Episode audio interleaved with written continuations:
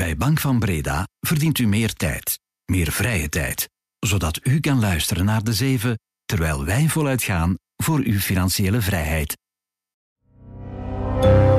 Welkom bij de zeven van de tijd. Elke dag om 7 uur onze blik op de zaken in 7 punten. Dit is Roan van Eyck. Goedemorgen. De factuur van de Antwerpse havenuitbreiding zal fors hoger uitvallen dan eerst gedacht. Slecht rekenwerk, zo blijkt. Het federaal agentschap van de schuld blijft erbij. Een nieuwe staatsbon is echt wel een goed idee. En het Leuvense Logistics Capital Partners verkoopt in Spanje een site aan Amazon en betreedt de lucratieve markt van de datacenters. De co-CEO legt uit. Het is donderdag 15 februari. Welkom. De zeven van de tijd. 1. De factuur voor de uitbreiding van de Antwerpse haven zal geen 3, maar dik 5 miljard euro bedragen. Dat valt te horen in regeringskringen. Dat is wel een heel dikke misrekening. De reden? Slecht begroot. Dat blijkt dan weer uit een rapport van de inspectie Financiën dat de tijd heeft kunnen inkijken. Redacteur ondernemer Marie van Oost, goedemorgen. Dag Roan. Het is de bedoeling om de capaciteit van de haven op te krikken van 15 naar 22 miljoen containers per jaar. Maar de infrastructuurwerken die daarvoor nodig zijn, gaan dus flink meer kosten dan eerst gedacht. Hoe komt dat? Een eerste reden is dat er geen rekening is gehouden met de inflatie, um, waardoor die begroting niet meer accuraat is eigenlijk met de huidige prijzen. En daarnaast uh, is er volgens de inspectie ook geen rekening gehouden met onvoorziene kosten door onzekerheden, zoals vertraging door de stikstofproblematiek of um, extra kosten voor het saneren van vervuilde PFAS-grond of het zuiveren van vervuild PFAS-water. Oké, en daardoor dus geen 3, maar 5 miljard euro. Dat is een opdoffer voor de Vlaamse regering. Um, wat zegt de financiële inspectie daarover? Klopt. Uh, in de nota schrijven zij dat uh, dit project een grote impact zal hebben op de investeringsmogelijkheden voor andere projecten van de volgende Vlaamse regering. Mm -hmm. Uh, en zij stellen eigenlijk voor om de verdeelsleutel anders te doen. Op dit moment um, zou de Vlaamse regering twee derde van het project moeten financieren. De rest zou dan voor het havenbedrijf zijn. Um, maar zij geven daar een negatief advies over en vinden dat het havenbedrijf meer moet bijdragen. En wat vinden ze daar in Antwerpen van, van die misrekening? Het havenbedrijf ziet dat niet zitten. Aniek de Ritter, dat is de Antwerpse havenschepen en de voorzitter van Port of Antwerp Bruges, het havenbedrijf, heeft kort gereageerd uh, en zij zegt dat de afspraken die eerder gemaakt zijn over die verdeling binnen de regering uh, gerespecteerd moeten worden. En ze wees er ook nog eens op uh, hoe belangrijk uh, de uitbreiding van de haven is om de leidende positie van Antwerpen in Europa te behouden. Dankjewel, Marie van Oost. Graag gedaan. 2. Google gaat een groot datacenter bijbouwen in Henegouwen. Sinds 2010 heeft het bedrijf er daar al één. Nu heeft het een vergunning op zak voor een tweede. Het Waalsgewest heeft een stedenbouwkundige vergunning afgeleverd voor een zogezegd groen datacenter. Er zijn namelijk voorwaarden rond milieu, mobiliteit en landschap. Denk aan zonnepanelen die ervoor moeten zorgen dat tegen 2025 90% van de verbruikte energie van het datacenter koolstofvrij is. Google wil uiteindelijk drie nieuwe datacenters bouwen op die bewuste site. Die ligt in Farciennes, de armste gemeente van Wallonië. En de extra centers moeten daar zorgen voor 400 rechtstreekse en 400 onrechtstreekse jobs. Het bedrijf is daarnaast al 13 jaar actief met een datacenter in Saint-Guilain. Ook daar werken 400 mensen. 3. We moeten het nog eens hebben over de veel besproken nieuwe staatsbonds. Het federaal agentschap van de schuld is het niet eens met de analyse van staatssecretaris van begroting Alexia Bertrand. Zij zegt dat het beter en goedkoper is voor de Belgische staat om geld te lenen op lange termijn. Beter dan de manier waarop het agentschap dat zelf wil doen, namelijk met de uitgifte van een nieuwe eenjarige staatsbon op korte termijn dus. Wie heeft er gelijk? Redacteur beleggen bij de tijd Wouter Vervenne. Goedemorgen. Goedemorgen. Jij hebt gepraat met Jean de Boet, directeur van het Federaal Agentschap van de Schuld. Waarom is hij het niet eens met de argumenten van de staatssecretaris en haar partij Open VLD? Want het klopt toch dat de lange termijnrente lager is dan de korte termijnrente? Ik vind dat een oneerlijke vergelijking, omdat de staatssecretaris eigenlijk alleen kijkt naar het eerste jaar. Uh, als je nu een staatsobligatie op tien jaar uitgeeft, betaal je tien jaar lang dezelfde rente. Als je een staatsbon op één jaar uitgeeft, um, dan moet die binnen een jaar worden terugbetaald en geherfinancierd tegen de dan geldende rente. Hmm. Nu, iedereen verwacht dat de Europese Centrale Bank in de komende maanden de rente zal verlagen. En dus dat zou betekenen dat de korte termijnrente over een jaar ja, een stuk lager is dan vandaag. En het financieringsprogramma wijzigen ziet John de Boete dus niet zitten. Nee, hij vreest dat dat ja, een slecht signaal zou zijn naar de financiële markten. Dus acht weken geleden is het programma voor 2024 aangekondigd. Daarin staat 45 miljard leningen op lange termijn.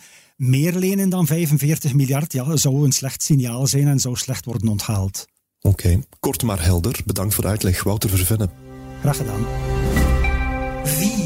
De Leuvense vastgoedspeler Logistics Capital Partners, kortweg LCP, heeft een logistieke site verkocht aan e-commerce gigant Amazon.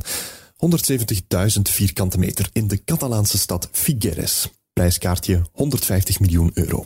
Dat is op dit moment marktconform voor een gebouw van die afmeting in Spanje. Christophe Verstraeten is medeoprichter van Logistics Capital Partners. Dat heeft al Europese sites ontwikkeld om te verhuren aan Amazon, nu dus ook één om te verkopen. Amazon heeft in Europa al een paar keer recente gebouwen gekocht waar ze zelf de huurder van zijn. Het voordeel bij een Amazon is dat er minder discussie bestaat over interestvoeten en financiering, zoals je die bij een, pure investeerder zou hebben. Ze vragen zich vooral af, uh, is die site strategisch voor ons? Wat heeft ze gekost? Wat zou ze vandaag kosten om te bouwen? En welke prijs moeten we betalen? De verkochte site in Spanje is ontwikkeld op maat van Amazon. Het gaat om een zogeheten fulfillment center, waar de Amazon-bestellingen ingepakt worden. Daar is die, de operatie zodanig geautomatiseerd en uitgepuurd dat het echt een uh, maatwerkproject wordt. Met heel specifieke eisen. Misschien een van de belangrijkste eigenschappen is dat er op uh, meerdere niveaus, dus multilevel, wordt gebouwd om optimaal de robots te kunnen inzetten. Logistics Capital Partners bestaat intussen bijna tien jaar. In die periode heeft het zowat een miljoen vierkante meter vastgoed in Europa ontwikkeld. Er staan nog voor anderhalf miljard euro projecten op stapel ook. En niet alleen vastgoed. We hadden het daarnet al over datacenters. Wel, nu is ook de eerste stap gezet voor een datacenter van LCP in de buurt van Parijs. Dat is zeker een bijkomende richting die we met het bedrijf uh, uitgaan. Het is ook heel complementair met uh, de expertise en het werk dat we doen voor uh, de ontwikkeling van logistieke sites. Dus er zitten zeker nog nieuwe projecten van die aard in de pipeline. En ironisch gezien komen we ook Amazon weer tegen als grootste klant. Logistics Capital Partners is nu actief in België, Nederland, Frankrijk, het Verenigd Koninkrijk, Polen, Spanje en Italië. Vijf. Een honderdtal Israëli's trekt naar het internationaal strafhof in Den Haag en vraagt de vervolging van de kopstukken van Hamas. Het gaat om familieleden van slachtoffers van de Hamas-aanval op 7 oktober en ook een aantal bevrijde gijzelaars. Voor een goed begrip is niet het internationaal gerechtshof, dat ook in Den Haag is gevestigd en waar Zuid-Afrika klacht heeft ingediend tegen Israël. Het is dus het strafhof. Collega Henk Dedene is naar Den Haag getrokken en heeft de familie van de gijzelaars en ook hun advocaten gesproken. Goedemorgen Henk. Ja, goedemorgen. Om te beginnen, wat willen die mensen eigenlijk bereiken? Wel, ze zijn hier gisteren met een speciale vlucht uit Tel Aviv uh, naartoe gevlogen, omdat ze willen en denken en ervan overtuigd zijn dat er voldoende bewijsmateriaal is om de kopstukken van Hamas te vervolgen voor de vreedheden die begaan zijn op 7 oktober en voor het uh, gijzelen van vluchtelingen. Mhm. Ze kunnen zelf niet vragen dat het strafhof die klacht uh, begint, maar ze kunnen wel vol, voldoende materiaal aandragen en dat hebben ze nu gedaan. Maar Henk, vervelend voor hen is misschien wel dat hun eigen land, Israël, dat hof in Den Haag niet erkent. Ja, het is een heel vreemde situatie. Hè? Um, um, Israël uh, erkent het internationaal strafhof inderdaad niet, eh, omdat het ook bang is dat dat strafhof bijvoorbeeld uh, Palestina zou kunnen bijstaan in klachten tegen Israël. Mhm. Maar dit is dus niet de staat Israël, maar zijn wel haar burgers uh, die dit doen. En, en meer zelfs, een aantal van hen heeft mij verteld, ook, ook, ook een, van hun advocaten, dat dit typisch is. Hè. Ze voelen zich in de steek gelaten door uh, de regering al sinds 7 oktober. Uh, ze hebben dat gevoel nog steeds, dat de regering te weinig doet om de gijzelaars te bevrijden. En dit is voor hen weer het zoveelste bewijs dat zij het zelf moeten doen. Dat zij zelf naar Den Haag moeten trekken om druk te zetten op de internationale gemeenschap om meer te doen om die gijzelaars te bevrijden. Ja, het is nu aan de openbaar aanklager om al dan niet een zaak te beginnen. Maar welke praktische problemen kunnen dan opduiken, Henk, omdat Israël dat hoofd dus niet erkent? Ja, het is inderdaad een heel opmerkelijke situatie.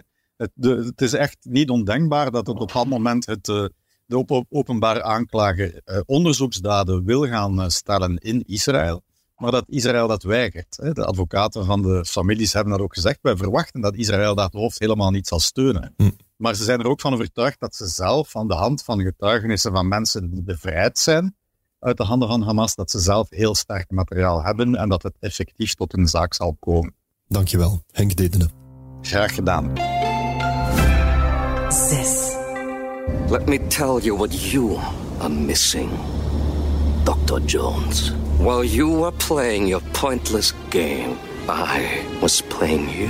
Zo begint de trailer van Indiana Jones and the Great Circle, een spel voor Xbox, gameconsole van Microsoft. Komt er nu ook een versie van dat spel voor de concurrerende PlayStation van Sony of voor de Nintendo Switch? Wel, vanavond gaan we het weten, want Microsoft geeft dan meer uitleg over zijn Xbox-plannen in een podcast. De strategische update komt er na een week van geruchten over een grote omslag naar gamingnormen. Echt een kleine revolutie zelfs. Microsoft zou namelijk afstappen van zijn exclusiviteitsstrategie. Daarin heeft het bedrijf nogthans fors geïnvesteerd hè, door game studios over te nemen en vervolgens de titels exclusief aan zich te binden. Studio Bethesda had bijvoorbeeld de Indiana Jones game oorspronkelijk willen maken voor verschillende platformen. Maar na de overname door Microsoft werd het dus een exclusief spel voor Xbox en Windows PC. Na de overname van nog een andere studio, Activision Blizzard, trokken de mededingingsregulatoren aan de alarmbel. Er zouden mogelijk negatieve effecten zijn op de concurrentie. Microsoft stelde sommige Activision-titels dan open voor andere platformen. Gaat het bedrijf nu verder op die weg en volgen nog andere niet-exclusieve titels, zoals het populaire Starfield? Dat weten we dus vanavond. 7. En we blijven nog even in de techwereld. Nvidia staat voor het eerst in de top 3 van meest waardevolle bedrijven ter wereld. Een paar dagen geleden is de chipmaker al voorbij Amazon gesneld en nu laat Nvidia ook Google-moeder Alphabet achter zich met een beurswaarde van meer dan 1800 miljard dollar. De financiële markten zien Nvidia als de grote winnaar van de race naar artificiële intelligentie. Het bedrijf heeft zowat het monopolie op de chips die voor die technologie nodig zijn. Gevolg, Nvidia komt in de top 3 van bedrijven met de grootste beurswaarde. Het moet enkel Apple en Microsoft nog laten voorgaan. Die twee deden eerder dit jaar haasje over om de grootste te zijn. Apple heeft een waarde van iets meer dan 2800 miljard dollar. Bij Microsoft is dat nu ruim 3000 miljard. Of 3 biljoen, dat mag je ook zeggen. Dat is dan een 3 met 12 nullen erachter. Wordt al uh, vrij abstract. Ik houd het voorlopig gewoon op 7. Dat kan ik op mijn twee handen tellen. Morgenochtend heb ik een nieuwe voor je klaar. Heel graag tot dan en nog een fijne dag. Dit was De Zeven met Roan van Eyck. Productie door Joris van der Poorten van op de redactie van De Tijd. Bedankt om te luisteren. Morgen zijn we er weer. Tot dan.